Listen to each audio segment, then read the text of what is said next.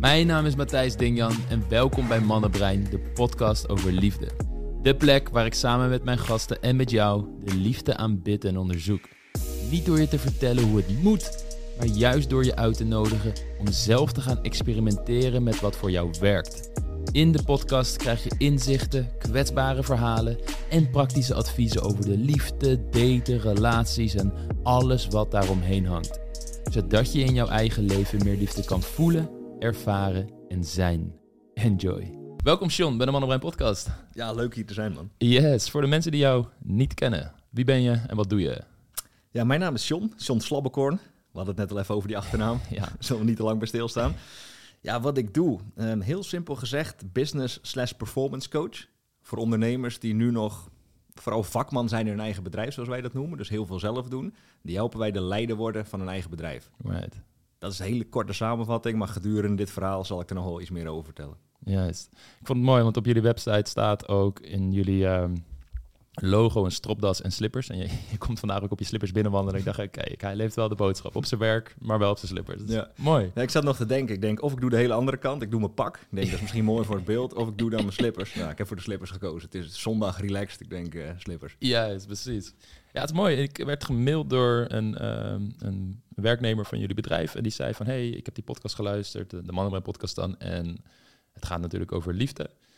En wellicht dat luisteraars nu denken van, oké, ehm, business coaching, wat heeft daar nou mee te maken? Nou ja, jij doet het samen met je partner. Jullie zijn al heel lang samen. En ik krijg nog wel eens vragen van mensen van, oké, business en familie of business en je relatie, dat moet je altijd gescheiden houden. Er kan heel veel gezeur van komen.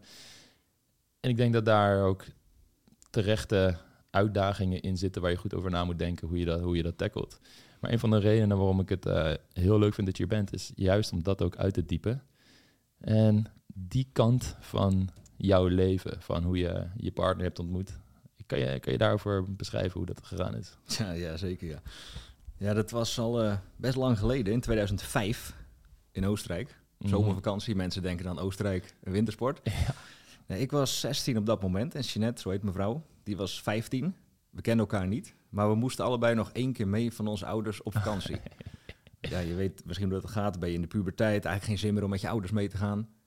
Ja, geen zin, ik wil eigenlijk liever werken. Dat was echt de positie waar ik uitkwam, want elke Ja. week dat ik kon werken, kon ik geld verdienen. Dat was een beetje hoe ik was opgevoed. Hard werken, dan heb je wat geld en dan kan je dingen kopen. Ik denk, ja, Mhm. vakantie is eigenlijk zonde. Oké, toch maar mee. Toen waren we daar in Oostenrijk, echt zo'n best wel een beetje suf hotelletje. Wel zo'n wintersporthotel midden in de zomer. Ja. Waar eigenlijk ook geen reet te beleven was. En, en wij zaten daar en die was er toen ook helemaal nog niet. Dus echt, eh, we zaten denk ik al een week. Dus wij hadden nog drie, vier dagen over. Ik dacht, nou, lekker, weer eh, twee weken verspeeld.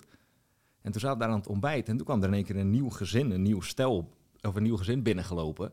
En mijn moeder die wilde al dolgraag volgens mij dat ik al lang en breed een keer verkering zou hebben. Dus die zei bij iedereen, nee, nee, is dat niet wat? Daar zijn ze nu ook weer. En dat was, bleek dus Jeanette te zijn die ik toen nog niet kende. Dus ik kijk zo naar haar. Nee joh, die is, eh, die is al veel te oud. Maar dat baseerde ik op zeg maar haar eh, borsten, haar lichaamskenmerk. Ik denk, nee, die is, die is al veel te oud. Dus, maar dat was ook meer een soort van eh, afweermechanisme. Want dan hoef ik er ook niet op af te stappen. Want ik was in die tijd wel een hele stoere jongen. Die vooral niet op meiden ging afstappen. Juist. En ik had een zusje. En die heb ik nog steeds, maar die was er toen ook bij. En Jeanette, die, haar broertje, was er ook bij. Hmm. Dus andersom was blijkbaar dezelfde soort conversatie gaande over... hé, hey, daar heb je een, leukst, een, eh, een gezinnetje, Juist. een leuke jongen misschien wel. Dus mijn zusje ging toen naar Paul, haar broertje... om ons aan elkaar te koppelen als het ware. Van, hé, hey, zullen we een keer samen gaan zwemmen? Aha.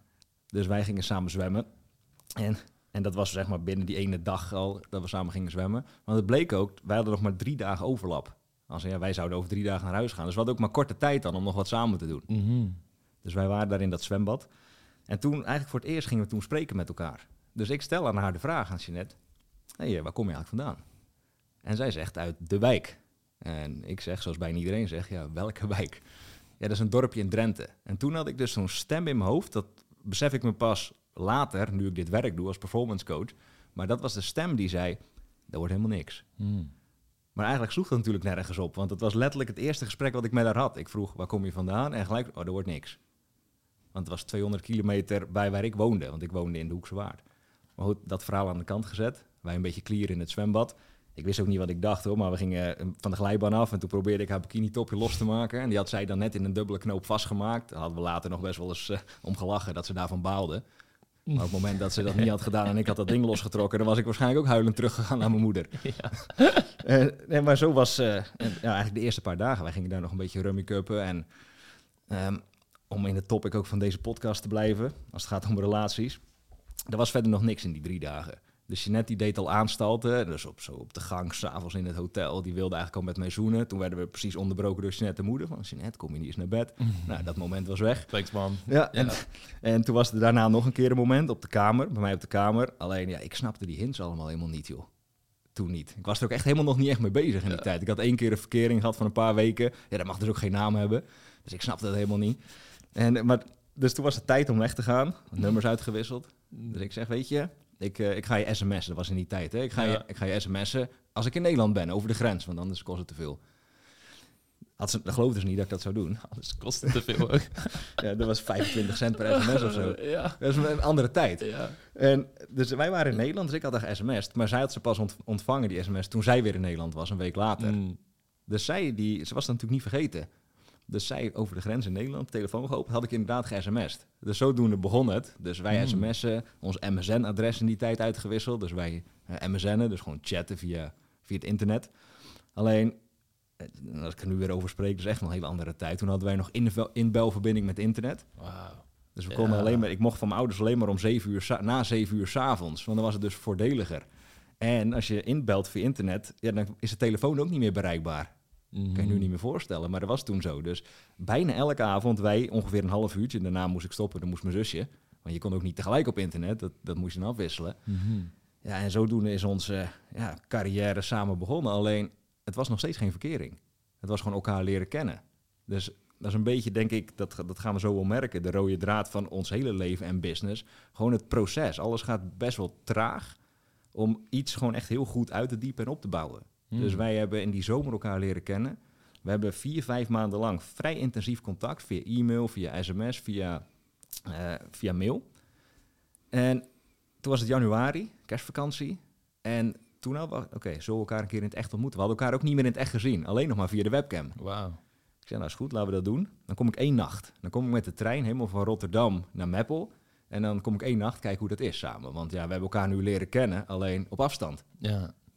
En toen kwam ik daar en dat was een beetje awkward op het station, werd ik opgehaald. Ik denk, nou, ik, heb, ik had in ieder geval mezelf bij elkaar geraapt om in ieder geval een paar kusjes te geven, om te begroeten. Ja. En toen kwam ik daar thuis, we hadden het er net in de voorbereiding al kort over. Ja, het was Drenthe. Dus ik zat er aan tafel met Jeanette Rouders en die gingen onderling Drents praten. Ik verstond er helemaal geen, ik was een beetje zenuwachtig en ik verstond er ook helemaal geen reet van. En ik was heel erg gewend om met u te spreken. Dus ik sprak, oké, eh, wilt u mij die hagelslag even aangeven? Werd ik helemaal uitgelachen gelijk. Mm, lekker. Omdat ik uh, ja, dat niet hoefde te doen. Juist. En die ene nacht, ja, daar werd gelijk de rest van de vakantie. Wauw. En ja, de rest is geschiedenis. Op 3 januari hebben we besloten, dat wordt onze verkeringsdatum. 3 januari 2014, als ik even een vogelvlucht maak. Toen zijn we getrouwd. Bewust op dezelfde datum, met z'n twee op Hawaii, op het strand van Hawaii, Kauai. Dat is een eiland op mm. Hawaii. En op 3 januari 2019 zijn we opnieuw op diezelfde plek getrouwd. Alleen toen met onze naaste familie. Dat was cadeautje meegenomen daarheen. Wow. Dus ja, 3 januari is een soort van de symbolische datum geworden in onze, in onze relatie samen. Wauw, man. Mooi dat dat door zoveel verschillende fases van jouw leven dan al, die je tot nu toe hebt gelopen als tiener zijnde, die net een eigen identiteit gaan ontwikkelen en de wereld intrekt. Uh, ben je gaan studeren of ben je snel met een eigen bedrijf begonnen? Nee, nee, nee. Ik ben uh, gaan studeren. Ja, we zaten allebei nog op de middelbare school in die tijd. Ja, dus, ik daarom, heb, dus... Ja, dus ik heb eerst mijn HAVO afgemaakt. Mm -hmm. Toen ben ik uh, civiele techniek gaan studeren aan de Hogeschool Rotterdam. Dus het bleef ook echt een lange afstandsrelatie. Ja. Want het was, ik denk, vijf jaar lang of zo, gewoon elk weekend heen en weer met de trein. Dus drie van de vier weekenden ging ik daarheen en één weekend kwam ze bij mij. Bij haar was het wel leuker als ik eerlijk ben en het was ook wat ruimer. Wij, wonen in een klein dijkhuisje. Mhm. Dus het was gewoon elke keer. En ik had die treinkaartjes ook allemaal bewaard die je toen de tijd nog moest kopen. Nou, weet ik veel, voor duizend euro aan treinkaartjes of zo in die jaren verzameld. En dan zat je gewoon ruim twee uur heen. En op zondagavond weer twee uur terug in de trein. Zag je elkaar twee dagen en dan weer een hele week niet.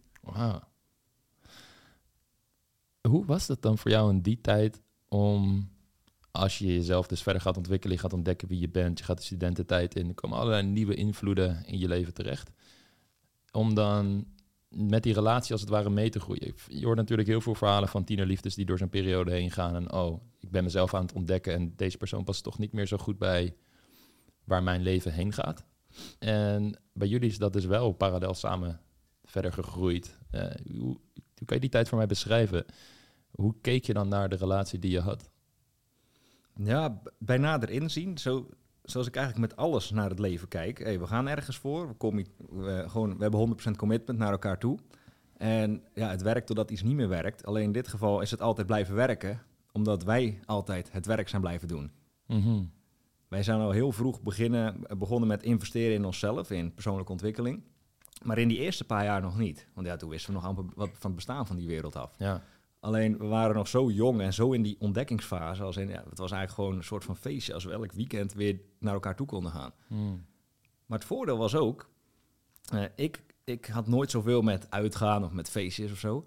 Maar Jeanette ook niet. Maar Jeanette ook omdat zij altijd al lichamelijke klachten heeft gehad. Dus fibromyalgie en chronische vermoeidheid. Dat wist ze toen nog niet. Maar ja, die kon ook gewoon niet zo heel veel. Dus ze was eigenlijk blij als het weekend was. Want dan kon ze gewoon een beetje tot rust komen. Right. En, en ik vond het eigenlijk ook wel fijn. Dus het was ook niet dat een van ons twee heel erg de drang had. Hé, we moeten erop uit, we moeten weg, we moeten de wereld ontdekken. Nee, het was gewoon, we waren lekker samen, dat vonden we leuk. En eigenlijk was dat het leukste wat er was. En ik denk op het moment dat zij of ik dat veel meer had gehad. Van, ah, moet toch eigenlijk misschien de leeftijd, hè, als je heel erg met je omgeving meegaat. Ah, ja, nu zijn we 18, dus nu moeten we eigenlijk uitgaan of zo. Als, we, als een van ons twee dat had gehad, dan waren we misschien helemaal niet meer samen. Ja, dat denk ik ook. Dat is exact wat ik heb gehad in mijn relatie van toen ik 19, 20 was. Dat ik naar Amsterdam verhuisde en ik kom uit een dorp Voorhout in de Bolle Streek. En daar had ik nog mijn voetbalclub, mijn oude vrienden en dus nog mijn relatie. Maar ik merkte gewoon van, ik wil dit oude loslaten om een totaal nieuwe identiteit te ontwikkelen die veel meer in lijn is met wat ik op dit moment interessant vind in mijn leven. En een van de dingen die daar nog heel erg bij paste, is dat ik ook veel uit wilde gaan, veel wilde reizen. En ik dacht, ja, dit schuurt gewoon met elkaar. Toen die, die knoop doorgehakt. Maar ik, zat, ik had ook wel zoiets van, als ik dat verlangen niet had gehad, en voor mij persoonlijk was dat heel belangrijk om dat na te jagen, denk ik dat die relatie prima nog steeds had kunnen bestaan. Want op alle andere vlakken pasten we echt goed bij elkaar. En ik weet nog dat ik dat een heel moeilijk besluit vond ook. En er heel veel over nagedacht en ook heel veel verdriet heeft gedaan. Maar ik denk achteraf gezien wel de juiste keuze. En ik weet, die ex van toen is gewoon daarna iemand anders tegengekomen. Heeft wel dat huisje, boompje, beestje in dat dorpsleven kunnen opbouwen. En precies dat pad kunnen bewandelen. En voor mij was het echt gewoon nog, oké, ik moet wel echt de wereld intrekken. En Maar op dat moment, hoe was het voor haar dan? heel moeilijk. Omdat het dus niet om de persoon ging, niet omdat er niet genoeg liefde was. En niet omdat we niet goed bij elkaar passen. Maar omdat ik voor het gevoel had dat ik bepaalde angsten en overtuigingen in mezelf echt nog wilde overwinnen.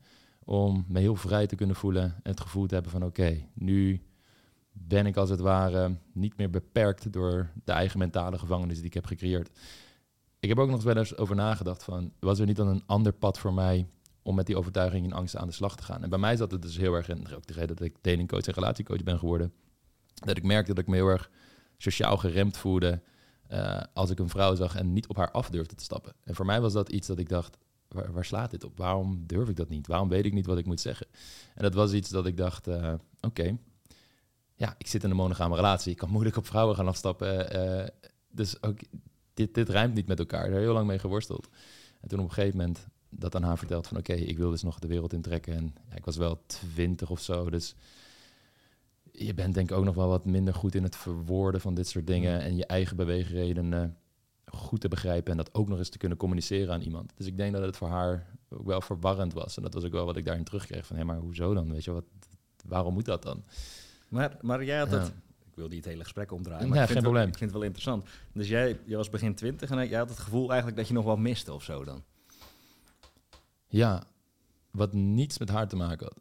Maar echt met wat ik van binnen voelde. Die geremdheid, die angsten. En ik dacht ook, als ik dit kan overwinnen... en ehm, deze sociale structuren van hoe versieren werkt... hoe eh, die dingen werkt waar ik echt geen flauw benul van heb... wat is er dan nog meer mogelijk? Het is een soort bewijs voor mij dat je daadwerkelijk echt kunt veranderen als persoon. En dat liefde dus ook een vaardigheid is die je kunt aanleren. En dat zag ik wel bij andere mensen die hier adviezen in gaven en dat verkondigden en dat predikten. Maar ja, je weet misschien hoe dit soort dingen werken. Totdat je het zelf hebt ervaren, hangt er toch altijd nog een soort mysterie omheen. en dat was voor mij eh, een van de dingen die ik heel graag wilde nastreven. Van oké, ik wil me daar echt vrij in kunnen voeden. Het is niet dat ik iedereen wil versieren of wat dan ook, maar ik wil wel dat ik dat weet hoe het moet en dat ik het durf. En dan is het fijn. Dan heb ik zoiets van oké, dan klopt dit. Die adviezen die ook gegeven worden en de persoonlijke ontwikkeling en, en al die dingen. Ehm, dus het was denk ik iets heel persoonlijks in mij dat ik me geremd voelde met bepaalde overtuigingen en angsten rondliep waar ik vanaf wilde, die ik wilde loslaten. Waardoor dit zo'n belangrijk iets in mijn leven is geworden. Ja. Hmm. En daar heb je een paar jaar over gedaan en toen ben je uit een relatie tegengekomen. Ja, ja, ja. Maar nu heb, nu heb je dat gevoel niet meer dan? Die nee, je- totaal niet. Totaal niet. En het is ook geshift, hè. Ik eh, geef bijna geen datingadvies. Kijk, het was... eh, mensen vragen wel eens van... eh, ja, mooi wat voor werk je doet en zo. Maar ik zeg altijd, ja, het is puur egocentrisch begonnen. Ik had echt niet het idee als 18-jarige broekie tot mijn 23e... toen ik die hele periode doormaakte... dat ik hiervan op de hoogte kwam van datingadvies en zelfontwikkeling en noem maar op. Van, oh, hier ga ik eens even andere mensen mee helpen. Het was 100% kan ik dit bij mezelf overwinnen en noem maar op. En als dat lukt, is het wellicht leuk om hier andere mensen mee te helpen. Maar dat zien we dan wel weer. Hmm. Dus vanaf mijn 23ste, 22ste ben ik toen datingadvies voor mannen gaan geven. Met mijn compagnons die, eh, met wie ik nu nog steeds samenwerk. En toen dacht ik eigenlijk, ik blijf nog een hele lange periode vrijgezel. Maar dit soort dingen plan je niet. Hmm. Dus ik ben mijn vriendin tegengekomen op de allereerste training die ik meeliep in die datingadvies voor mannenwereld. Ik eh, ging daarna nog, naar, nadat ik die training, training klaar was, ging ik nog naar een feestje van een vriend van me in, eh, in Paradiso. En daar, in de laatste tien minuten van het feest, besloot ik nog naar vooraan te lopen, naar de DJ-boot en nog te dansen. Zij besloot exact hetzelfde, onafhankelijk van mij. Daar hebben we elkaar ontmoet. Ehm, en vanaf moment één was er, merkte ik wel dat er iets speciaals was. Maar als ik ook terugkijk op die avond en die nacht. Ik weet nog dat ik de volgende dag ook tegen mijn vrienden zei van... ja, ik ben iemand tegengekomen en dit, dit was echt anders. Dit, was, Hmm. dit had iets speciaals. En dat gevoel is nooit weggegaan. En ik denk dat dat een stuk chemie is wat je... als de juiste mensen elkaar tegenkomen... dat je dat ervaart op een hele relaxte manier. En eh, toen dacht ik, ja, maar ik weet niet wat ik hiermee wil... of, of hoe dit allemaal verder gaat ontwikkelen, maar dat zien we wel. En zolang we open naar elkaar blijven communiceren over wat we willen en ook wat we gewoon niet weten, gaan we wel zien wat de toekomst brengt. En ja, dat is uiteindelijk een relatie geworden. En nu zijn we zeven jaar samen. Hmm. Ja, Mooi. Compleet eh, ander pad hebben we bewandeld. ja, ja maar, maar dat is dus het interessante eh, en waar ik ook naartoe wilde. Voor mij was het dus heel belangrijk dat ik de wereld introk. Het gevoel had dat ik op het gebied van liefde, versieren, vrouwen ontmoeten, iets, iets overwon in mezelf. Terwijl voor andere mensen dat, eh, ik heb ook al vrienden van mij, die interesseert dat geen bal. Dat is gewoon niet een, een groot ding. Maar bijvoorbeeld een goede vriend van mij, hij heeft het heel sterk op carrièregebied. Heel erg ook aan het worstelen met wat vind ik nou precies leuk. En had hij een droom, namelijk vliegen. Maar dat durfde hij eigenlijk toch niet na te jagen, voor whatever reasons. Nu doet hij dat gelukkig wel. Pas op latere leeftijd, maar tof dat hij het doet. En daarom vind ik het zo interessant dat jij dus eh, eigenlijk het heel relaxed vond om niet uit te hoeven te gaan. En gewoon de relatie te ontdekken eh, met, je, met je vriendin. En een heel ander pad daarin bent gaan bewandelen. En ik heb, als ik het een beetje hoor, want ik vond het een interessante opmerking dat je op je zestiende al dacht, ik ben nu twee weken in Oostenrijk, ik heb mijn tijd hier vandaan, een beetje zitten voldoen, ik wil eigenlijk gewoon werken. Hmm. Want, dus jij was daarmee bezig. Ja. Bij mij was dat, oké, daar loopt een leuk meisje en ik wil haar aanspreken, maar ik durf het niet zo goed. En ik, dat was mijn soort van focus, Hmm. weet je wel. Eh, dus ik, ik ben heel benieuwd, hoe, hoe denk je dat dat bij jou ontstaan is, dat je meer die businesskant op bent gegaan en dat dat voor jou je, je draak was om te verslaan, misschien als metafoor. eh.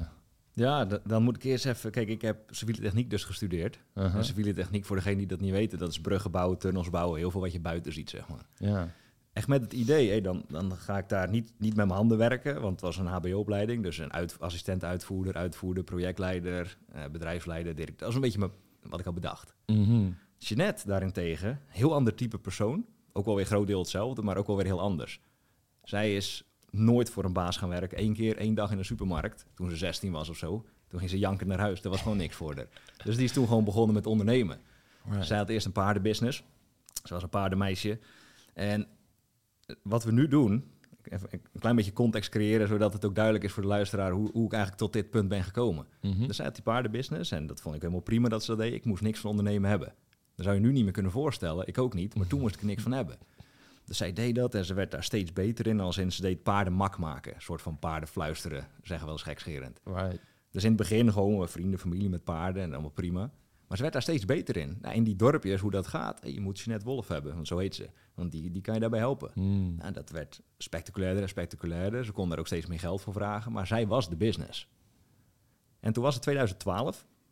En dat weet ik nog precies, was in de zomer. Toen was ik dus toevallig net een weekend in Strijen, waar ik vandaan kom, bij vrienden. En toen werd ik opgebeld door Jeanette de vader. Van, eh, ja, er is wat gebeurd, schrik niet. Maar het is wel goed als je nu naar huis komt. Mm. Jeanette is van de paard gevallen. Ze is nu op dit moment in de ambulance naar het ziekenhuis. We weten nog niet wat er is. Moest twee uur rijden, dus ik naar huis. Allemaal verhalen in mijn hoofd. Wat zou er gebeurd zijn? Ja. Toen was het dus van het paard afgestuiterd, waarvan ze eigenlijk al wist dat ze niet meer op moest stappen. Dat was een heel wild paard. Dus zij klapt zo op haar stuitje, die ruggenwervel, die drukt in elkaar en daar breekt een stukje van af, van die ruggenwervel. Nou, het was een eh, gunstige breuk, zoals je dat kan zeggen, voor zover een ruggenbreek gunstig is. Maar ze was niet verlamd, één wervel lager en ze was verlamd geweest. Maar dat was dus niet zo. Maar toen was die business wel om zeep.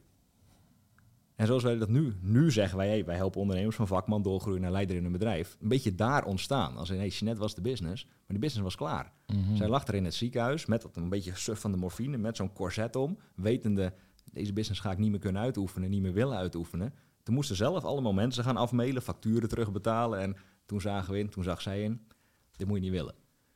In die tussentijd was zij al in opleiding voor diëtist. Want ze had ergens al een visioen gehad of zo, dit ga ik niet heel mijn leven doen. Dus ik moet iets hebben wat veiliger is. Zij is diëtist geworden, diëtistenpraktijk aan huis opgestart. Een eh, boutique-achtige sportschool thuis opgestart, ah, opgestart, dat we ook personal trainings konden geven.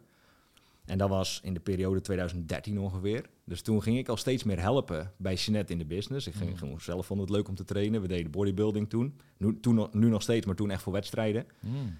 Toen ontwikkelden we, of eigenlijk Jeanette moet ik zeggen, een eigen bikini fitness atletenteam. Dus in de gauwigheid hadden we iets van 20 dames. Dat is een mooie tijd voor mij. Hadden we iets van 20 dames in het team die regelmatig bij ons kwamen. En ik mocht dan de foto's en de video's maken van die dames in bikini. Maar ik was nog steeds geen ondernemer. Ik was nog steeds gewoon lekker veilig in loondienst om mijn eigen carrièrepad eh, verder te ontwikkelen.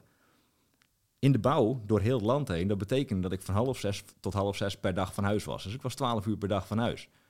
En dan kwam ik thuis en dan wilde ik zelf nog trainen vijf keer in de week. net een beetje helpen. Het was best wel druk in die tijd, maar we hadden toen nog geen kinderen. Dat was prima.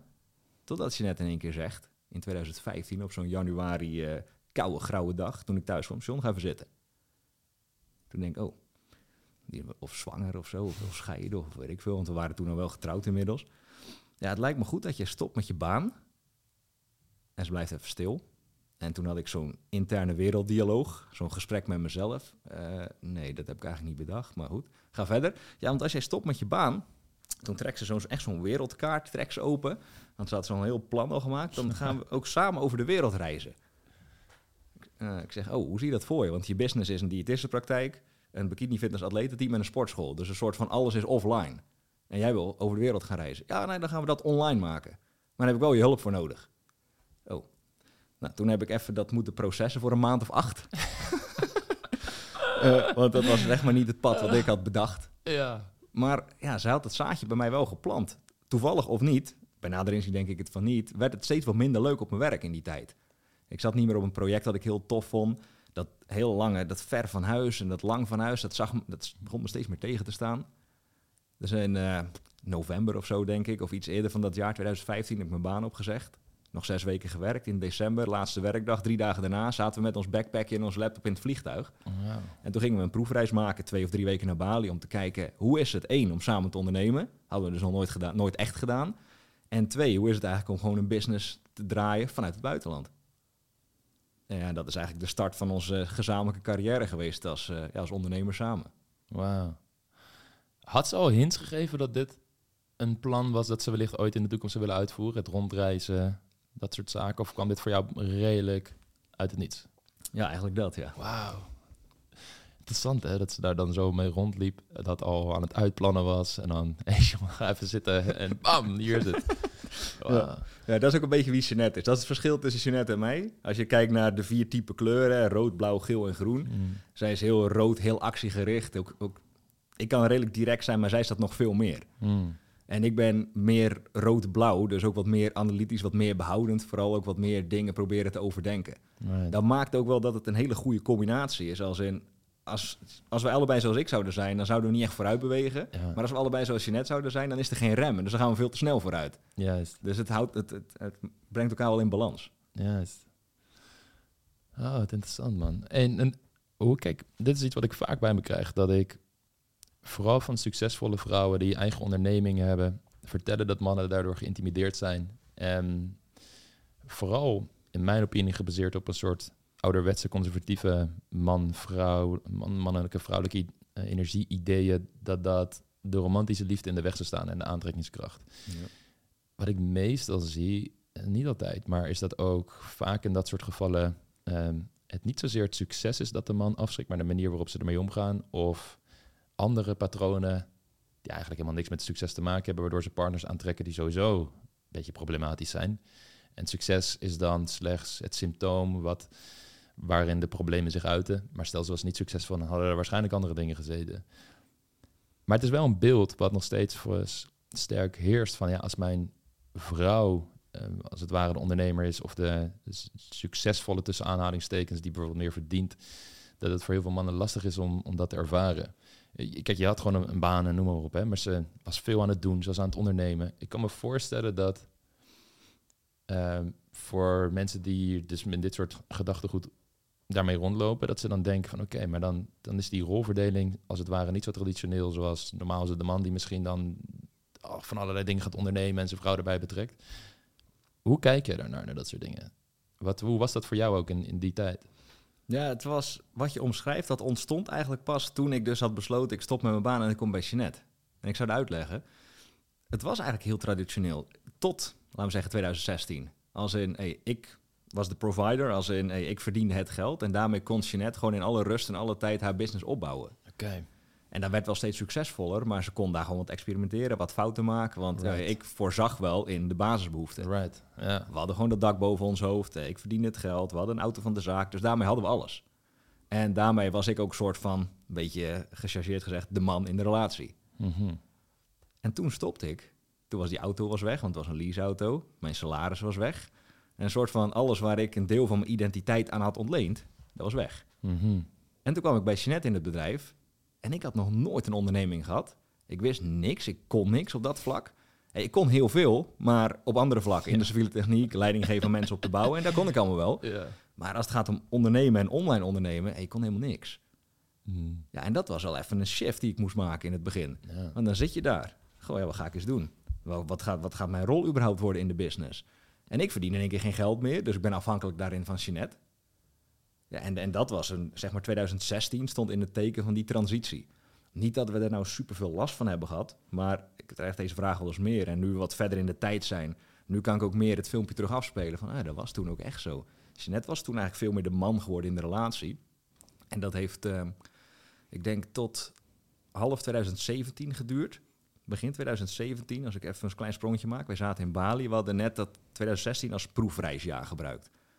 Dus gewoon eens ontdekken. We waren vier keer of vijf keer een paar weken gewoon overal op de wereld geweest om dit te ontdekken. Om gewoon te kijken, hey, wat is we op reis gaan ondernemen? Wat hebben we precies allemaal nodig? Hoe werkt dat tussen ons? Als wij niet alleen 24-7 in Nederland samen zijn, maar ook als we 24-7 in het buitenland samen zijn, dan ben je eigenlijk nog meer samen. Juist. Nou, nou dat ging lekker. Dat, dat, dat ik ook wel verwacht, maar dat was ook echt fantastisch. In dat jaar hebben we ons huis verhuurd. Dat lukte eerst allemaal niet. Ik denk, nou, verhuren ons huis wel niet. De allerlaatste dag net voordat we op reis gingen, dat huis verhuurd. Dan waren we daar ook vanaf van die zorg. Kregen we in ieder geval daar geld voor binnen. En toen zaten we net een paar maanden daar in Bali aan het zwembad. En toen merkte ik aan Jeanette, something is off. Als in, ik weet niet, dat is niet helemaal lekker. Dus wij even pauze houden, kokosnoot in het zwembad, eh, fantastisch. Ik denk, oh, een kwartiertje hoeven we niet in te smeren. Nou, dat werd drie uur en compleet verbrand kwamen uit het zwembad. Alleen die drie uur is een soort van transformerend geweest voor de rest van ons leven tot dit punt. Dat durf ik best wel te zeggen. Want mhm. ik zeg, hé, hey, uh, is wat of zo? En dat is ook gelijk een mooie les. Dat alles is valt of staat met communicatie. En wij, vanaf dag één dat ik gestopt ben met mijn baan en bij Jeanette in het bedrijf kwam, hebben wij geïnvesteerd in echt serieuze business coaching. Tenminste, business en performance coaching, eigenlijk die combinatie. Dus vanaf dat moment ging onze ontwikkeling en we deden dat samen. Dus die ging ook al best wel hard omhoog. Toen snapten we ook al, hey, communicatie is de basis van alles. En communicatie, dat is niet alleen wat ik nu zeg en wat jij hoort gesprekken boven de tafel, zoals wij dat mhm. noemen. Maar nog belangrijker, gesprekken onder de tafel. Dus het gesprek wat ik met mezelf heb en het gesprek wat jij, of in dat voorbeeld, net met zichzelf had.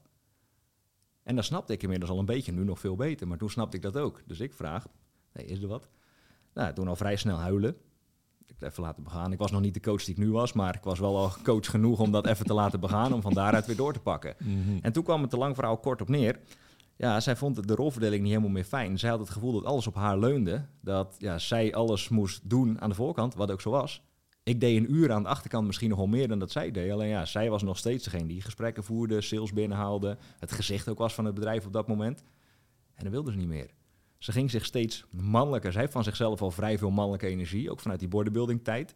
Ze heeft ook, eh, als ik eerlijk ben, pijnlijk voor mijn ego, maar veel beter aanleg dan ik qua spiergroei en zo. Dus die paar jaar Mm. dat zij dat fanatiek heeft gedaan, werd echt gewoon een beest van een vrouw. Echt qua aanleg, dat je denkt, als ze hier echt haar werk van zou maken, dan zou ze gewoon richting het Olympia-niveau kunnen gaan. Wauw. En dan merk je ook, dus zij, zij heeft dat inzicht, dat dat mannelijke, dat komt er dus ook heel makkelijk, heel snel uit. En dat ontwikkelde zich, dat versterkte alleen maar. Alleen, terug naar jouw vraag, ook qua balans in de relatie. Ja, Jeanette die werd eigenlijk wel mannelijker. Ik werd wat, en niet dat ik per se vrouwelijker werd of zo, alleen, ja, ik, ik werd wat, begon me ook wel minder te voelen of zo in de relatie. Als in, ja, hey, wie ben ik nou eigenlijk? Ik kan ook niet echt bijdragen. Toen hebben we erover gesproken en toen hebben we gezegd, oké, dit gaan we langzaam, maar zeker, dat kan niet van de een op de andere dag, gaan we dit omdraaien. Als in, ik ga meer het gezicht worden. Ik ga vanaf nu ook zorgen dat ik ook salesgesprekken ga doen, dat ik ook business ga binnenhalen en dat ik ook gewoon eigen cliënten ga begeleiden. Maar ja, ik had nog nooit een pen verkocht, bij wijze van spreken. Dus ik moest dat wel allemaal leren. Ja. Dus ik moest al die competenties gaan opdoen. Maar dat begon dus daar, in het zwembad in Bali, dat we hebben uitgesproken naar elkaar. hey, dit is niet lekker. Dit is niet hoe ik me fijn voel. Jeanette, dit is niet hoe ik me fijn voel, ik zelf. En daar moeten we correcties op maken. Juist. Als ik altijd naar dit soort verhalen hoor, luister over een man en vrouw, heb ik vaak het gevoel dat het ons zou helpen om die termen te veranderen in plaats van man en vrouw. En kijk, ik weet dat het niet op, op seks gebaseerd is, maar meer op mannelijke en vrouwelijke energie, wat een soort concepten zijn die je kunnen helpen om te begrijpen eh, hoe een, een, een relatie, ja, beide partners zich tot elkaar verhouden als het ware. Maar ehm, ik zit wel eens te denken van, stel, weet je wel, ehm, want veel mensen hebben natuurlijk zoiets van, oké, die traditionele rolverdeling, het houdt je ergens ook tegen, het heeft waarde. Maar ik denk dat gewoon afspreken, goed afspreken wat de, waar beide partners zich fijn in voelen en hoe ze zichzelf verder kunnen ontwikkelen in het leven en optimaal gelukkig zijn, dat dat zich in heel veel verschillende manieren kan uiten. Maar ik denk dat veel mensen, en dat is ook wel eens wat ik hoor, zich nog een beetje storen aan, oké, hoezo moet het dan nog steeds mannelijke en vrouwelijke energie heten? Stel je zou het yin en yang noemen, bij wijze van spreken, omdat de dynamiek die jij beschrijft, dat zij eigenlijk een, een tweede gezicht naast haar wilde in het bedrijf zou. Herken ik bijvoorbeeld uit mijn eigen bedrijf dat ik dat ook prettiger vind om gewoon meerdere gezichten te hebben. Wat niet zoveel te maken heeft voor mijn gevoel met mannelijke of vrouwelijke energie, weet je wel. Hmm. En ik, ik ben heel erg benieuwd hoe jij daar naar kijkt. Of dat nog concepten zijn uit de, de oudheid, als het ware, die wellicht op een andere manier vormgegeven kunnen worden. Ook in onze bewoordingen die we eraan geven. Zodat eh, we er wat vrijer over gaan denken. Ik ook hoor in jou best wel terug dat het voor jou makkelijk was om te accepteren. Oké, zij, ik moet hier alles nog in leren. En dat is gewoon helemaal prima. Ik voel me niet aangetast in wie ik ben als persoon. Hmm. Maar ik denk dat heel veel mannen dat wel kunnen hebben, omdat ze dan het gevoel hebben, oh, nu ben ik niet mannelijk. Of dat heel veel vrouwen zoiets hebben van, oh, ehm, puur omdat ik deze business heb en bepaalde eigenschappen heb die van nature wellicht meer bij mannen gezien worden, of in, in traditionele opvattingen meer bij mannelijke energie horen, maakt mij dat minder vrouw. Hmm. En ik heb wel eens, ik, ik, ik heb het nog niet, ik heb niet per se een oplossing hiervoor, maar ik ben wel benieuwd hoe je de, wat jouw kijk daarop is. Of we die termen wellicht meer zouden moeten loslaten en we gewoon naar bepaalde karaktereigenschappen moeten kijken die je als persoon kan ontwikkelen. Zoals je kwetsbaar opstellen, wat typisch iets is wat aan vrouwelijke energie gelinkt wordt. Ik denk voor heel veel mannen dat het exact hetzelfde is. Om heel belangrijk dat ze dat gaan leren, ook voor hun eigen relatie. Als je goed wil communiceren, maar je kan je niet kwetsbaar opstellen, niet het achterste van je tong laten zien, wordt het een vrij lastig verhaal, omdat je de hele tijd boven de tafel blijft praten met elkaar. Dus, eh, ja, ik ben wel benieuwd hoe jij dat, hoe jij dat ziet. Ja, of je andere labels voor hetzelfde wil hebben, dat is meer en meer van hetzelfde. Dat is hetzelfde in een ander jasje. Dus ik weet niet of dat nou heel veel oplost. Alleen, dan moeten we uiteindelijk toch terug naar de basis van de kern van ons werk. Ei- Eigenlijk ook de kern van jullie werk, dat weet ik zeker. Dat zijn twee dingen die ik altijd uiteenzet. Mhm. Mensen zullen zich eerst moeten bewust zijn van de stem in hun hoofd. Dus we hebben allemaal een reptiele brein, het oudste deel van onze hersenen. En die heeft grofweg twee functies. En de eerste functie is een goed iets. Dat is jou gewoon jouw fysieke lichaam beschermen tegen de dood. Mhm. Hoe dat werkt, op het moment dat mensen nu deze podcast luisteren in de auto bijvoorbeeld, dus denken, hé, hey, klinkt interessant. Die vergeten een beetje hoe snel ze rijden. Ze rijden inmiddels 180, armpje zo'n beetje los, zomerdagje.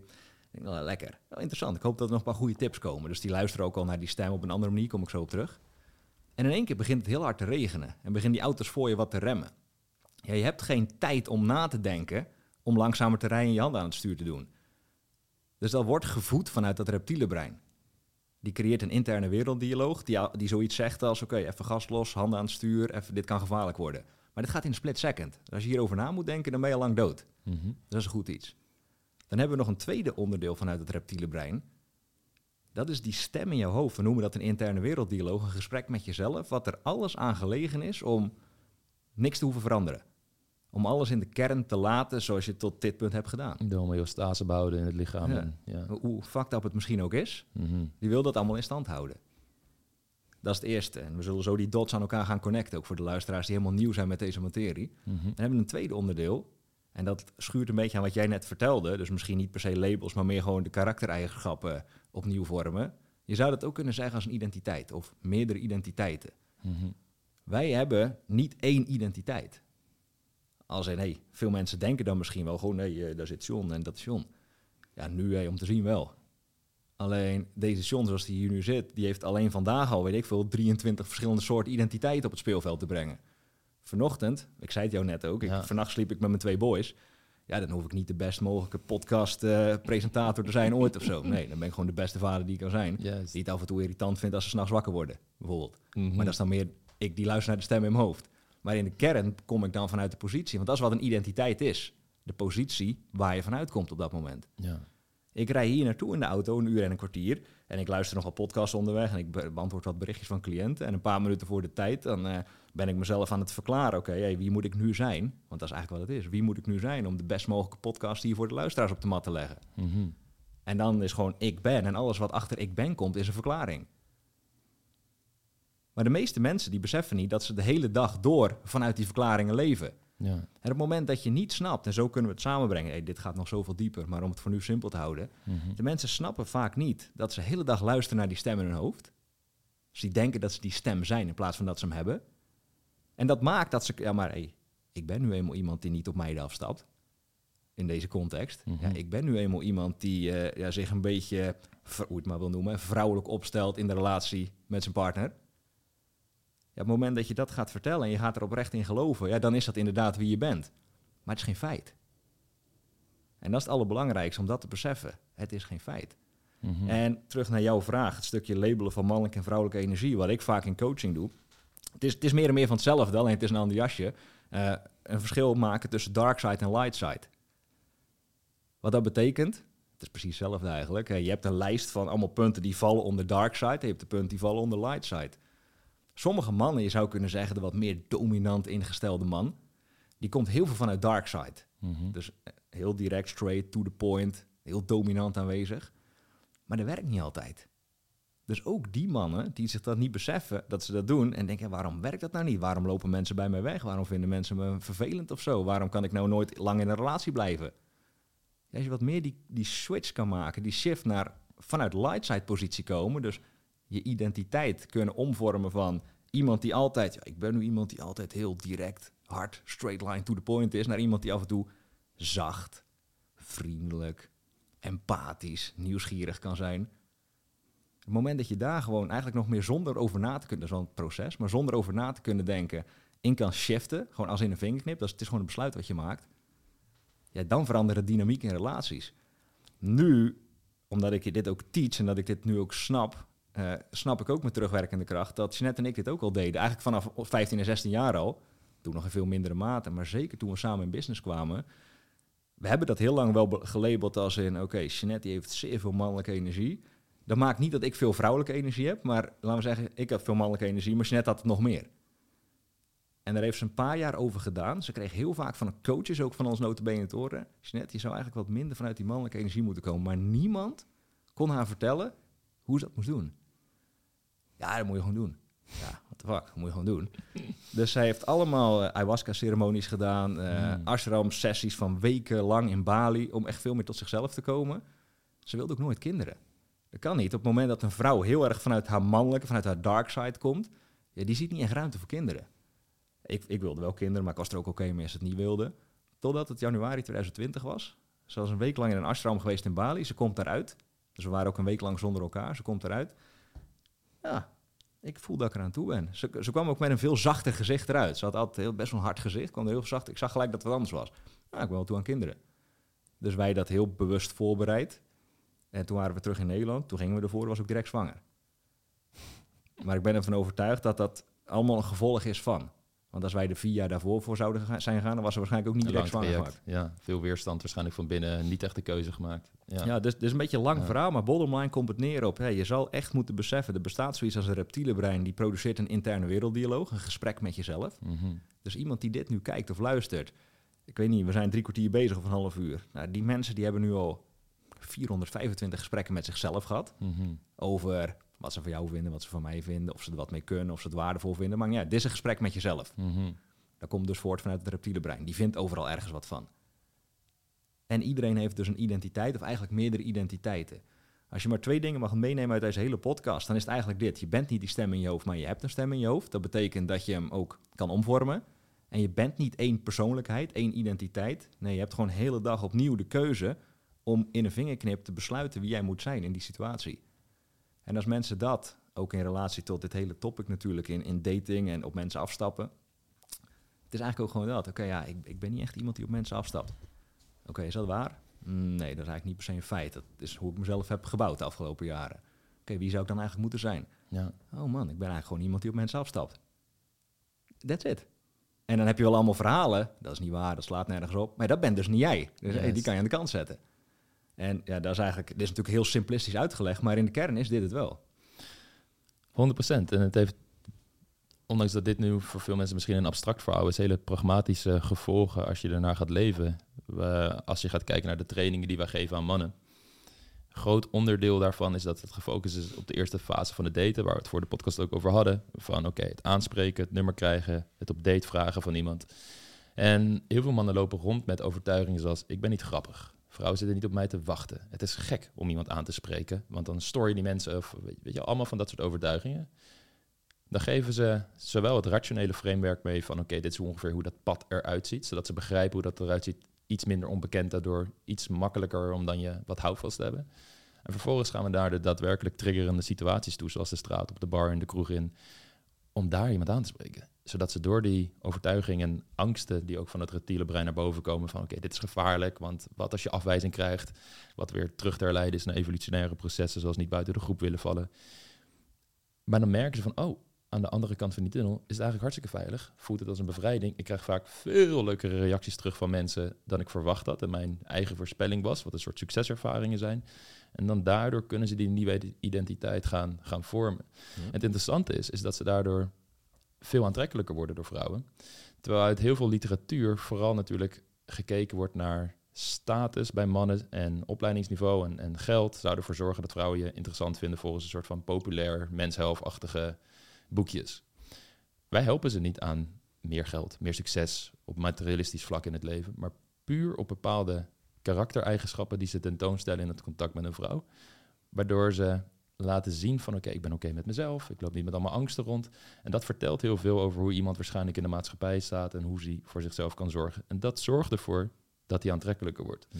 En de reden dat ik het vertel is omdat, als ik weer terughaal op de dames die bang waren dat mannen hen niet aantrekkelijk vinden als ze succesvol zijn. Ook dat is zo'n typisch beeld. Maar als je naar de stem gaat luisteren die dat aan jou vertelt, dat kun je gaan loslaten. En je kunt gaan denken, oh ja, maar een man vindt mij leuk om wie ik ben. En de juiste man die vindt het alleen maar mooi wat ik allemaal in mijn leven doe. En je gaat in zo'n verhaal leven, zou je ook een man aantrekken die daar inderdaad zo in staat. Maar zolang jij vanuit die onzekerheid in dat contact blijft staan en inderdaad denkt van oké, dit is een onaantrekkelijke eigenschap, mannen gaan me hierop afwijzen. En vanuit die onzekerheid in de daten gaat staan, zul je toegankelijker zijn ook weer voor mannen die daar mee matchen met die energie. En ik denk dat dat de hele, ja, het hele spel is van überhaupt mens zijn, die innerlijke dialoog goed gaan begrijpen soms is het goed om te kijken van wat is de bron van die stem in mijn hoofd? Waarom vertelt hij me dit? Oh, dat komt uit deze situatie van hoe mijn moeder of mijn vader altijd met me omging. Of de betekenis die ik heb gegeven aan bepaalde situaties die ik heb meegemaakt. En hoe dat in het hier en nu nog steeds mijn perceptie van de realiteit kleurt. Maar daar bewust van worden en vervolgens ook de tools krijgen om dat te gaan veranderen. Ik denk dat dat op alle vlakken van het leven de vaardigheid is die je uiteindelijk wil ontwikkelen. Ja, maar 100 procent. We kunnen nu stoppen. Nee, als, kijk, weet je, de meeste mensen, ook, ook in eh, jullie speelveld, die willen eigenlijk in eerste instantie gewoon tips en adviezen. Ja. Dat hebben, tenminste, ik denk dat je dat kan beamen. Dan ja. is het, hey, uh, ja, ik ben al zo lang bezig, maar kan je me niet gewoon even een strategie geven of een paar tips en adviezen? Dan lukt het eigenlijk ook wel. Ja. En dan lukt het nog steeds niet. Omdat het fundament is niet aangepast. En eigenlijk de basis van het fundament hebben we net uiteengezet. Dus al die tips en adviezen, dat is bij ons niet anders qua business. hey John, dit klinkt allemaal goed, maar het is wel een beetje duur, vind ik. Uh, kan je me niet gewoon een strategie geven met wat tips en adviezen, dan, dan doe ik het wel. Nee, dan doe je het ook niet. Want als het zo makkelijk was, dan had je het al gedaan en dan deed iedereen dat. Ja. Alleen je bent gehypnotiseerd. Dat kan je vaak niet zo letterlijk direct zeggen, maar je bent gewoon gehypnotiseerd door die stem in je hoofd. Je luistert daar gewoon veel te veel naar. Ja, het is heel grappig dat je het zegt. Ik, ik zeg wel eens dat uh, mannenbrein een soort Trojaans paard is dat mensen binnenhalen. Veel vrouwen komen binnen op het, met het idee, oké, ik leer je gewoon eventjes hoe je een man krijgt en houdt. Nou, top, hè? geef me die adviezen mm. inderdaad, maar... En dan komen ze en dan is het opeens een spiegel die ze krijgen van... hé, hey, kijk, deze manier hoe jij in het contact staat met mannen... zorgt ervoor dat jij in dit patroon vastzit. En kijk maar, dit, dit, dit, dit, dit, dit.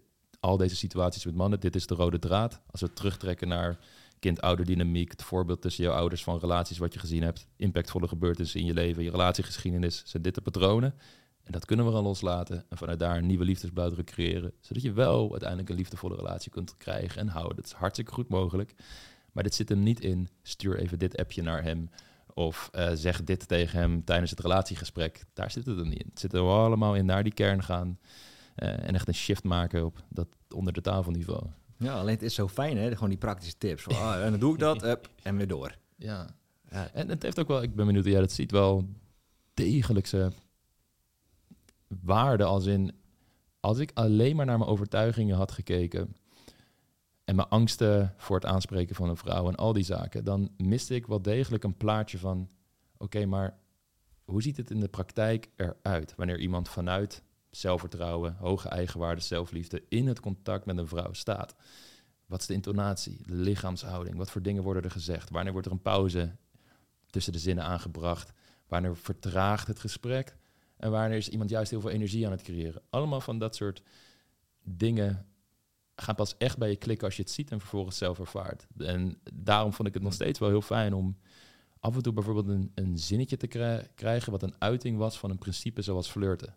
En als je dan de reactie daarop ziet, krijg je er een, kreeg ik er een gevoel bij van, oh, dit is een beetje hoe dat eruit ziet en hoe dat voelt. Oh, en dit is hoe mijn persoonlijkheid zich daar meer mee in kan ontwikkelen en dat en daar uiting aan kan geven.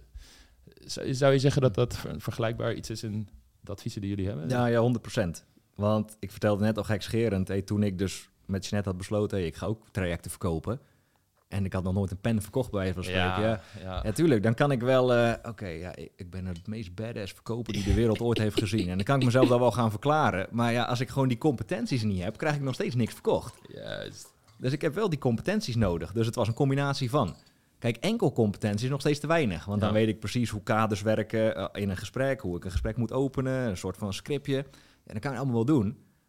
Maar alleen die kant werkt niet. Maar alleen de andere kant is te weinig. Dus het was wel een combinatie. Dus ik begon mezelf dat te verklaren. Ik geloofde het niet. Dus ik, ik letterlijk, ik zat in Mauritius in het zwembad.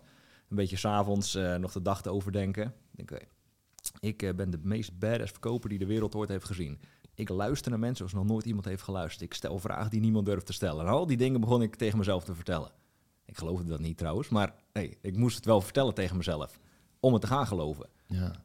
Maar volgens moet je dat wel in actie brengen. Want als je dat blijft vertellen, maar je brengt het niet in actie, ja, dan ga je het ook niet geloven. Je zal het ook moeten doen. Maar als ik het dan alleen in actie zou brengen, dus zonder de competenties, ja, dan zou ik eigenlijk heel slecht uitkomen. Dan zou ik me heel slecht gaan voelen, want dan krijg ik alleen maar nee's namelijk. Mm. Dus zo ben ik in diezelfde tijd ben ik sales training gaan volgen, om het heel praktisch te maken. En toen leerde ik dus ook de vaardigheid van sales in combinatie met ik die mezelf elke dag bleef verklaren als die badass verkoper, die elke dag de trainingen deed, een soort van de push-ups deed, en het daarnaast ook in de praktijk ging brengen door gewoon met mensen te bellen. En van daaruit feedback te verzamelen. Oké, als ik dit zeg, dan reageren ze zo. Misschien als ik het volgende keer dan anders zeg, hoe reageren ze dan? Dat is vrij hetzelfde als in jouw mhm. business namelijk. Mm En, heel herkenbaar, ja. En toen, hey, gaandeweg de jaren, als een, ik noem het nu zelfs niet eens meer salesgesprekken, als in ik heb gewoon een conversatie met iemand. En na een half uur of drie kwartier of een uur bepaal ik, hey, dit is een match. Ik vertel nog wat over hetgene wat we doen, hoe ik iemand zou kunnen helpen. Maar dat is uiteindelijk de vaardigheid die ik door al die jaren heb ontwikkeld. De combinatie, om het samen te vatten. Oké, niet te veel luisteren naar die stem in mijn hoofd, want die vertelt je toch allemaal dingen die je eigenlijk wil horen, maar beter niet naar kan luisteren. Van daaruit, oké, verklaar je. Dus alles achter ik ben is een verklaring. Dus de ik ben tot dat punt is waarschijnlijk niet de krachtige ik ben. Ik ben niet goed in sales. Ik ben niet iemand die op vrouwen of mannen afstapt. Daar wil je niet meer naar luisteren. Dus je verklaart jezelf als de persoon die je wel moet zijn. In combinatie met de competenties die je nog ontbreekt, die moet je opdoen. Ook niet te veel, want dan is dat weer een excuus vanuit het reptiele brein. Oh, je moet eerst ook nog die, die en die training volgen. Want ja, dan pas kan je erop uit. Nee, Ja. net die paar trainingen die je nodig hebt, of die coach of die, die consultant die je nodig hebt. En in de tussentijd breng je het gewoon in de praktijk. En dat is feedback. En met die feedback ga je vervolgens correcties maken. Juist. Het is zo interessant hoe elke niche van persoonlijke ontwikkeling de principes altijd hetzelfde zijn. Wij noemen dit het oude verhaal in kaart brengen en loslaten en een nieuw verhaal gaan schrijven en, en uitleven. Ja, hoe, hoe pas je al deze zaken toe in, in de relatie waar je in zit? Hoe, hoe, hoe uitzicht dat? De relatie met Jeanette heb je het over? Ja, in relatie met je net. Ja. Ja, eigenlijk is eh bottom line, waar ik al eerder aan heb gerefereerd, is wel gewoon communicatie. Mhm. In communicatie blijven. Dus heel goed blijven praten en ook heel goed blijven luisteren naar, en nu komt die, wat niet gezegd wordt. Dus het gesprek onder tafel eigenlijk. Kijk, zeker als je heel lang met iemand bent, wij zijn nu 17,5 jaar samen op dit moment, ja, dan kan je eigenlijk lezen en schrijven met elkaar. Maar ik weet precies als er iets is met Jeanette. Als ze net wat minder energiek is of net iets minder zegt of zo, dan weet ik, oh, er is wat. Ik heb in het verleden nog wel eens de fout gemaakt om dan te zeggen, hey, eh, is er iets, ben je ongesteld of zo, een beetje die, die klassieke. Mm. Dat moet niet zeggen. Mm. Over het algemeen beter niet zeggen. Want daar kreeg ik dan vaak meer verweer op dan dat het me hielp. Ja. En dan, eh, dan is het gewoon... En ik weet ook, en dan, dat is misschien nog wel een mooie... Die heeft mij heel erg geholpen, de vijf talen van de liefde. Eh, Ja. Jouw luisteraars zijn er waarschijnlijk bekend mee. De- het is heel belangrijk om te weten, ben ik achtergekomen... wat je eigen ontvangende en sprekende liefdestaal is, maar ook van je partner. Want daar staat echt heel veel op mis. Hmm. Even voor degene die het niet weten, je hebt vijf liefdestalen, positieve woorden, Ja. aanraken, samen zijn, dienen, dus in de vorm van klusjes doen of zo, en cadeautjes. Heel simpel gezegd. Ja. Jeanette en ik ze hebben niet dezelfde liefdestaal. Ja, als, je dus, als je gewoon onbewust al dezelfde liefdestaal hebt, dan kun je echt lezen en schrijven met elkaar. Dat is heel makkelijk. Maar als je dus niet dezelfde liefdestaal hebt, ja, dan kan het heel snel zijn dat je langs elkaar heen gaat leven. Jeanette haar liefdestaal, haar ontvangende liefdestaal in ieder geval, dus die zij graag ervaart, dat is samen zijn in combinatie met aanraken. En dan is aanraken nog weer net wat belangrijker dan samen zijn. Hey, ik vind het ook wel leuk aanraken en ik vind samen zijn ook wel leuk. Alleen, ja, het is niet mijn dominante liefdestaal. Dat is positieve woorden. Kwam ik ooit een keer achter. Hmm. Dus als je net dan tegen mij zegt, als ik weer in de gym eh, heb getraind of zo en ik kom zonder shirt binnen, ziet er echt eh, goed uit. En dat zegt ze ook wel omdat ze het meent, maar ze weet ook, hey, als ik dat zeg, dat draagt eigenlijk weer positief bij. Niet om te manipuleren, maar hey, dan, zoals wij dat wel eens gekscherend noemen, dan vult mijn liefdestank zich weer. Waardoor er weer meer aantrekkingskracht naar elkaar toe ontstaat. Dat is het hele idee. Mhm. Andersom, op het moment dat ik een tijdje Jeanette wat door wat voor reden ook wat minder, wat, wat- dat we iets minder samen zijn, maar vooral dat ik er wat minder aanraak, dan begint er afstand te ontstaan. Dat heb ik in de afgelopen jaren best wel wat ervaren. Dan merk je gewoon, oh, something is off. Oh, ik heb er waarschijnlijk te weinig aangeraakt de laatste tijd. Hmm. Maar ik ga weer subtiel, als een beetje gewoon als ze aan het koken is of als ze iets aan het doen, gewoon even arm op de schouder, hand op de kont of zo. En dan in één keer, ik voel bijna die soort van energie van, hé, hey, ik krijg weer aantrekkingskracht. Mhm. Maar het kan ook, en dat is het allerbelangrijkste als je het mij vraagt. Je moet dat naar elkaar durven uitspreken. Zoals toevallig vanochtend. Wij zitten nu met twee hele jonge kinderen, waarvan eentje nu 11 weken is en de andere is twee jaar en 11 weken. Dus dat geeft hele andere dynamiek in het gezin. Ja. Dus waar we vroeger nog wel eens makkelijk konden zeggen: hey, vanavond is voor ons samen, we kijken een filmpje en we gaan weet ik veel wat doen. Dan, kan je hele avond elkaar aanraken zonder dat je gestoord wordt. Ja, daar is er niet altijd meer bij nu met kleine kinderen. Dus we willen al een paar dagen op rij dat we eigenlijk s'avonds weer eens een keer ouderwetse filmpje willen kijken. Gewoon tegen elkaar aan, gewoon een beetje knuffelen, een beetje samen zijn. Ja, dat is nu al een paar keer niet gelukt. Of eigenlijk de hele week nog niet gelukt. Doordat dat onze kinderen dan met de warmte en zo gaan ze weer wat later naar bed. Of dan is er in één keer weer eentje aan het huilen. Dus je net zei vanochtend nog net voordat ik hierheen ging, dus we deden even eh, gewoon knuffelen. En ze zegt, eh, vanavond even, even tijd weer voor elkaar. Even elkaar weer een beetje meer aanraken. Ik heb daar behoefte aan. Zo communiceren wij ook met elkaar. Zij zegt gewoon waar het op staat. hey, ik heb weer behoefte om aangeraakt te worden. Dan weet ik, ik moet daar weer aanraken. Maar ik weet ook, de meeste mensen zijn geen Jeanette. Die zijn heel vaag. Vrouwen zijn, niks nadeel van vrouwen, sommige mannen ook. Die zijn over het algemeen heel cryptisch in hun communicatie. Dan gaan ze met hints proberen aan te geven wat ze missen. Ja, en dat is dan als man, als ik even voor mannen spreek. Ja, daar wil je wel zo snel mogelijk achter zien te komen met wat bedoelt iemand nou met welke hint. Want anders ga je dus steeds meer langs elkaar heen praten, wat uiteindelijk zelfs kan leiden tot echt dat je uit elkaar gaat. Mhm. Als dat maar lang genoeg doorgaat. Jeanette weet dus, oké, ik moet hem af en toe goed positieve woorden geven. Ik weet dus, ik moet er af en toe even aanraken. En ja, dan merk je ook gewoon op het moment dat we dat echt weer meer doen, ja, dan is er ook gewoon weer veel meer, een soort van vuurwerk, meer energie samen. Ja, dat, dat heeft voor ons wel een hoop verschil gemaakt. Toen ik dat concept, het is ook gewoon een concept, maar toen ik dat concept ging begrijpen. Ja. Waar heb je dat geleerd om zo open te communiceren en zo erg bewust te zijn van de behoeftes die je hebt, daarvoor uit te durven komen? Dus, want daar zit een, bijvoorbeeld een angst voor afwijzing in. Of weet je, er kunnen heel veel concepten of heel veel belemmeringen zijn dat mensen dit moeilijk vinden om te doen. Omdat het een beetje een, een kwetsbaar gesprek kan zijn als je dit niet gewend bent van huis uit bijvoorbeeld. Ja. Hoe, hoe, waar, hoe is dit bij jou ontstaan? Ja, laat ik gelijk beginnen. Ik ben dit 100% niet gewend van huis uit. Ik ben eigenlijk ehm, op zich prima jeugd gehad, maar wel heel afstandelijk opgegroeid. Als in nooit echt knuffelen. Ik heb mijn ouders bijvoorbeeld nooit zien knuffelen of kusjes zien geven. Dus ik heb dat niet vanuit mezelf. Hmm, Om ook maar gelijk een soort van ter inspiratie mee te geven. Ja, je hoeft daar niet soort van ingeboren te zijn. absoluut. Dus ik heb 16 jaar lang, bijna 17 jaar lang, toen ik bij mijn ouders woonde. Tenminste, ik heb tot mijn 21ste daar gewoond, maar tot mijn 17 toen Jeanette er nog niet was. Heb ik daar eigenlijk allemaal niet gezien. Dus het was helemaal niet normaal voor mij. En toen kwam ik bij Jeanette en toen zag ik dat haar ouders dat wel deden. Dat was een soort van de eerste omdraaien van, nee, zo zou het ook kunnen. Maar heel onbewust. En toen kwam ik met Jeanette samen. Nou, toen gingen wij dat wel doen, maar we zijn nog jong, een beetje verliefdheidsfase. Toen gingen we samen wonen. En toen begon ik al langzaam weer wat terug te cirkelen naar ja, wat ik eigenlijk denk, zeg maar, wat mijn blauwdruk was. Niet te, Ja. veel, niet te veel samen knuffelen. Ja. Maar Jeanette die had dat niet en ik zag regelmatig haar ouders nog. Dus ja, toen was het meer al niet zo bewust qua communicatie als het nu is. Maar toen, en zij is vrij direct en vrij eerlijk, dus zij kon mij dat gewoon vertellen.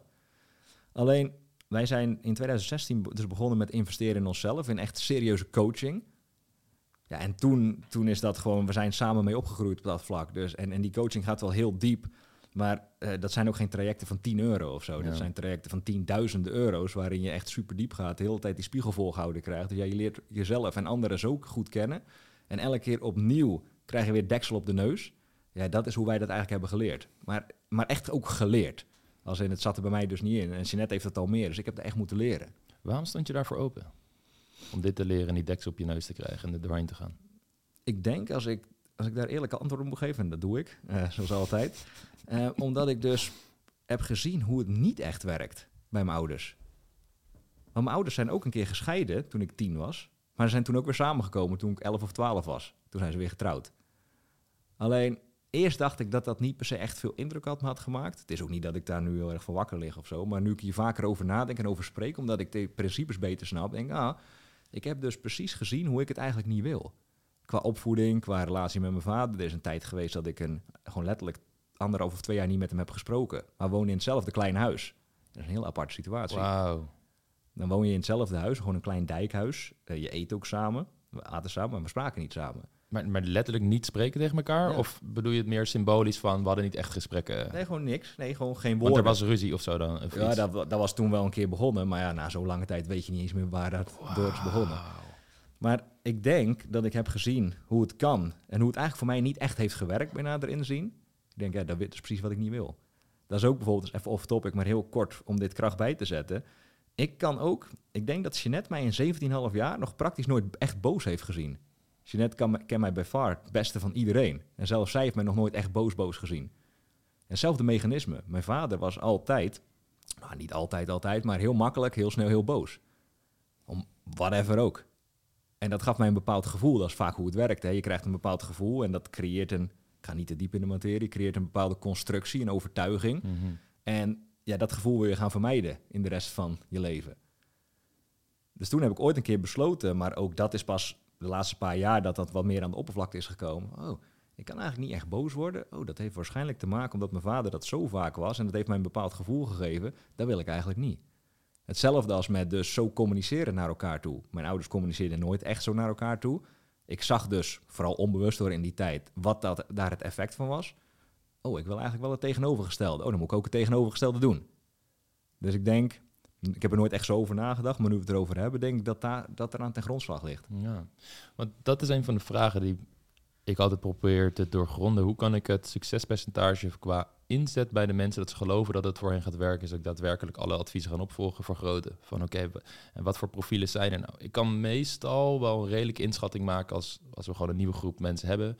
Ja, dit zijn de mensen die het absoluut gaan redden. Dit zijn de mensen, ja, dat gaat wel echt lastig worden. Maar er is een, een groep die, gewoon, die ik niet kan voorspellen. Het kan beide kanten opslaan. Hmm.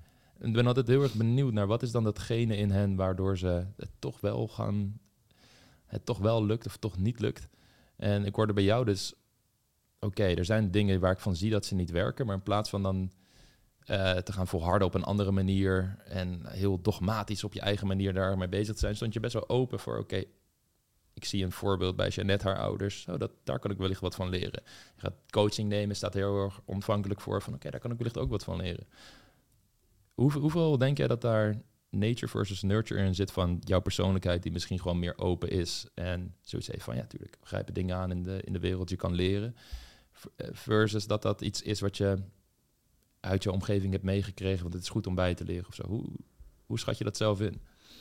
Ja, als ik puur voor mezelf kijk, ik, ik, ik snap ook heel goed, in de natuur bestaat er niet zoiets als uh, stilstand. Hey, je sterft of je groeit. Dat heb ik al heel vroeg een keer begrepen. Dus van daaruit weet ik, oké, hey, ik ben ambitieus. Ik wil altijd het spel vooruit blijven bewegen. Op welk domein dan ook. Maar als ik daar zelf niet kan, omdat ik het gewoon, ja, ik, mijn beste denken heeft me tot hier gebracht, maar niet heel veel verder. Ja. Dan kan ik beter gaan kijken naar mensen die wel dat pad al hebben bewandeld, op welk domein dan ook. Want die hebben met hun beste denken iets gedaan wat ik nog niet heb gezien. Je weet niet wat je niet weet.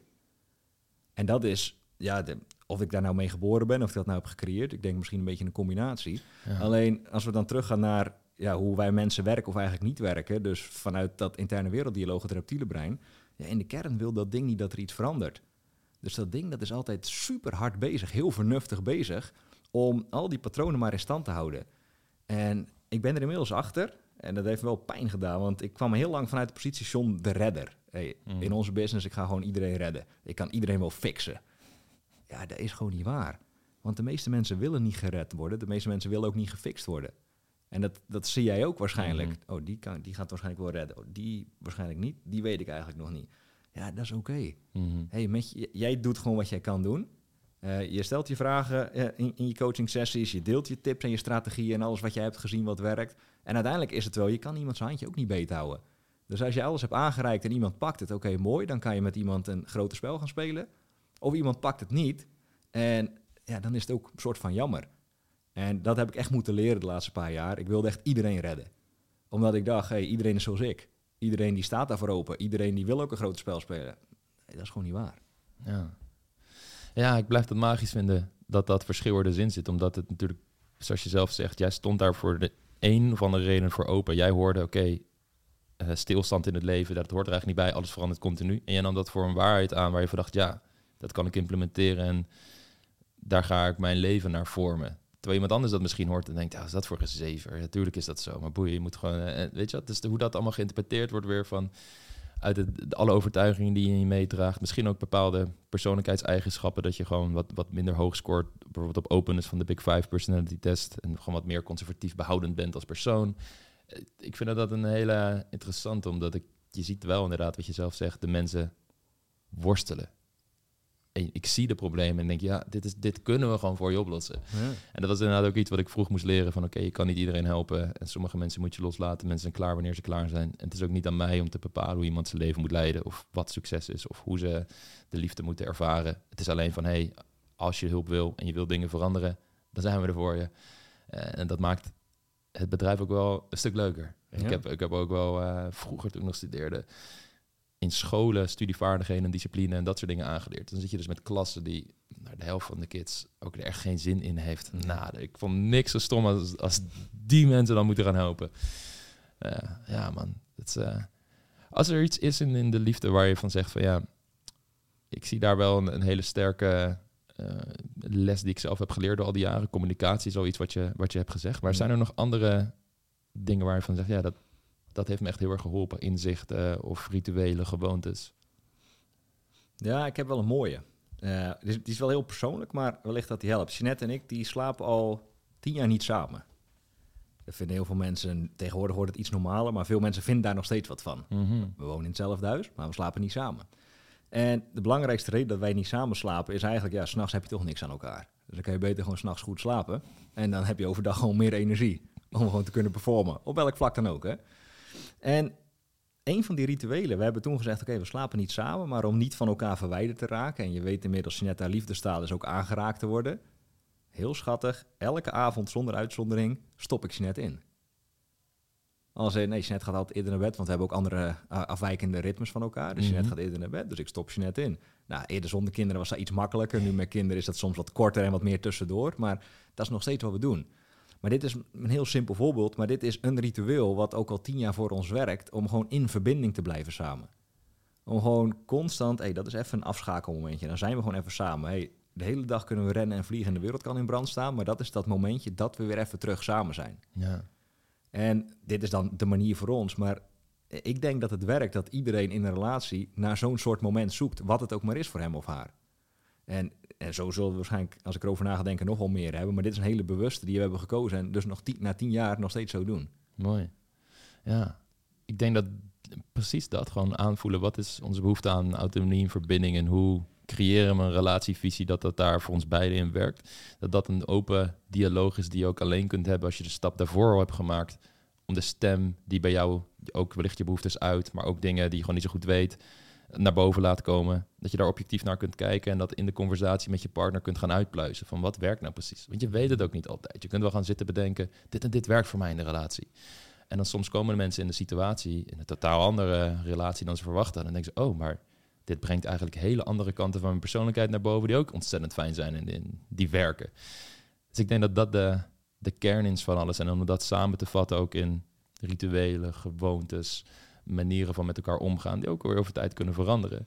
Maar in ieder geval een open dialoog in blijven houden om de behoeftes die jullie beiden hebben goed te vervullen en samen te groeien. Dat is mooi om te zien, man. Dat jullie daar uh, en, ik denk, bezig zijn. En, en, ik denk dat we zo ook naar de afronding gaan. Ja. Ik, heb, uh, ik had bewust mijn telefoon in mijn broekzak gestoken op vliegtuigstand. Want ik heb daar een zestal vragen op staan. Als, je, als ik nog even tijd heb, dan wil ik eigenlijk die vragen nog even doornemen. Ja, zeker. dat kan nog wel. Dat duurt niet lang, hoor. Um, dat ligt helemaal in lijn met het stukje uh, communicatie. Ik heb ze hier al bij me. Um, om regelmatig, als, dus als je nu, nu, luistert of kijkt en je zit in een relatie, dan wil je eigenlijk deze zes vragen die ik nu ga oplezen, die wil je, daar wil je gewoon samen een uur of twee de tijd voor nemen. Dat verdiept namelijk echt een relatie. En de, eerste, man. En, de, en de eerste vraag is: hoe ziet de meest liefdevolle, krachtige en succesvolle relatie eruit voor mij? Dit, dit, zijn best wel echt brutaal eerlijke vragen. Je, je, beantwoordt ze dus eerst, dat zijn de spelregels, je beantwoordt ze eerst helemaal voor jezelf. Dus gewoon, je gaat eens een kwartier nadenken. Oké, hoe ziet de meest liefdevolle, krachtige en succesvolle relatie eruit voor mij? Hmm. Want voor mij kan het anders zijn dan voor jou. En je partner doet het ook. En je kan ze eerst of allemaal beantwoorden, of je gaat uh, en dan uh, erop in, of je doet vraag voor vraag en dan ga je elkaar luisteren. Maar ook echt luisteren. Ja. Dus dan niet naar die stem in je hoofd luisteren. Oh, ik vind dat niet waar. Of voor mij is het. Nee, nee, nee. Eerst gewoon. oh, dit is een bedreiging over wat de persoon ja, zegt. ja. Dit is hoe het voor mij is. En dan dat is feedback. En daar ga je over spreken. En daar creëer je diepgang op. Mhm. Maar de meeste mensen doen dit niet namelijk. Want dit, is, dit kan ook spannend en confronterend zijn. Absoluut. En dan vraag twee is een hele simpele. Is dit nu zo? Dus je hebt die vraag beantwoord. Hè? Hoe ziet die ideale relatie eigenlijk voor jou uit? En dan gewoon, maar is het nu echt zo? En voor de meeste mensen, dat is wel pijnlijk, misschien maar 80%. Hmm. En dat, daar heb je dus iets om aan te werken. En dan heb je vraag drie. Wat zou in die relatie wel of juist niet gebeuren of zelfs nooit gebeuren? En ik heb er een voorbeeldje bij geschreven. Dat kan maar zo zijn. Ehm, ik zag toevallig gisteren in de voorbereiding van een podcast in zeg maar jouw open relatie idee. Maar bij mij zou dat bijvoorbeeld een soort van no-go zijn. En als Jeanette dat niet heeft, oké, dan hebben we iets om over te spreken in ja, ieder geval. zeker.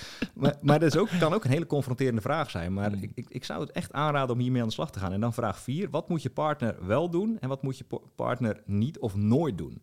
Mm. En dat kan ook heel breed zijn. Ik wil ook niet te veel input geven als voorbeeld, wel dit of wel niet dat. Eén uh, voorbeeldje wat ik er nog bij heb geschreven, wat hij wel zou moeten doen. Hey, zijn eigen shit bijvoorbeeld regelen. Ja. Als, je part, als jij dat gewoon fucking irritant vindt, dat je partner eigenlijk nooit zijn shit regelt, laat overal alles maar slingeren, uh, belt de belastingdienst niet op als het gebeld moet worden, ja, dan is dat gewoon irritatie. Die schrijf je op. En je wil eigenlijk dat hij dat wel gaat regelen. Ja. En dan, dan vertel je dat tegen je partner en dan weer niet naar die stem in je hoofd luisteren, maar gewoon oprecht luisteren, want iemand heeft gewoon een goede reden om dat te vertellen. En dat is waar je over gaat spreken dan. En dan komen we bij vraag 5, we zijn er bijna. Uh, wat moet je partner wel of juist niet zeggen? Of wat mag wel of niet gezegd worden? Hmm. En ik vertel net al even dat ik het in het verleden was die fout maakte naar Jeanette. Hey, eh, ben je ongesteld of zo? Ja, beter, dat moet ik gewoon niet meer zeggen in relatie met Jeanette. Dus daar wil je ook diepgang op creëren. En dan de laatste vraag. Wat zijn de spelregels in de relatie? Want Hmm. al- alles is een spel. Zo, de reden dat Jeanette en ik nog steeds echt super gelukkig samen zijn al 17,5 jaar, zonder uitzondering. Gewoon elke dag varieert tussen de 8 en de 10. En dat zeg ik niet om er goed uit te zien, maar dat is gewoon wat het is. We zien het ook gewoon als een spel. We zien het hele leven als een spel. En je creëert gewoon je spelregels. En als de regel niet echt meer werkt, ja, dan vorm je hem om. Dan heb je een andere regel. Ja, dus daar wil je eigenlijk mee afsluiten. Dus dan heb je echt, dit, hier kan je zo twee uur over doen. Als je echt oprecht een gesprek voert met elkaar. Ik denk dat dit een conversatie voor de rest van je leven is. Ja, dit, die vragen. wij doen Ja. het ook regelmatig terugpakken. En ik heb één bonusvraag en dan sluiten we hem af. Aan welke dingen blijf ik me irriteren slash storen bij mijn partner? En die is vooral, als je die brutaal eerlijk kan beantwoorden. Want hier gaan, de meeste scheidingen komen eigenlijk hierdoor. Mm. Je irriteert je ergens aan. Je durft het niet echt te zeggen. Of een soort van met kussens en matrassen probeer je het te zeggen. Maar ja, mensen ze pakken de hint niet op, want het is niet direct genoeg. En dan is het die, die emmer die de druppel doet over, of de druppel die de emmer doet overlopen. En dan is het klaar. Ja. Super mooie vragen, man. En eh, ik denk dat het gelijk bijna een soort mooie meditatieve uitdaging is om inderdaad al die neigingen die je naar boven gaan komen bij het aanhoren van de antwoorden van je partner en ook de dingen die je zelf wel of niet durft te zeggen, om dat inderdaad in een ruimte te gaan bespreken waarin alles oké is. Niet tegelijk een, het is een waarheid, maar oké, Ja. dit gaan we samen uitpluizen. Het is jouw waarheid, jouw wereld. Eh, sta open voor elkaars waarheid en wereld. En je kan erover spreken. Ja, man. Hele mooie afsluiter. Thanks voor het delen nog van die vragen. Daar, eh, ik moedig iedereen zeker aan om dit soort gesprekken te voeren. En deze vragen geven je een prachtige rode draad in, in hoe je dat kunt doen. Thanks dat je er was. Ik heb eh, genoten. En voor de mensen die met jou in contact willen komen, die jullie willen vinden, wat kunnen ze het beste doen? Eh, twee dingen. Eh, lsob.nl, dat is de afkorting van Lifestyle of Business, zo heet ons bedrijf. lsob.nl of at lifestyleofbusiness.nl op Instagram.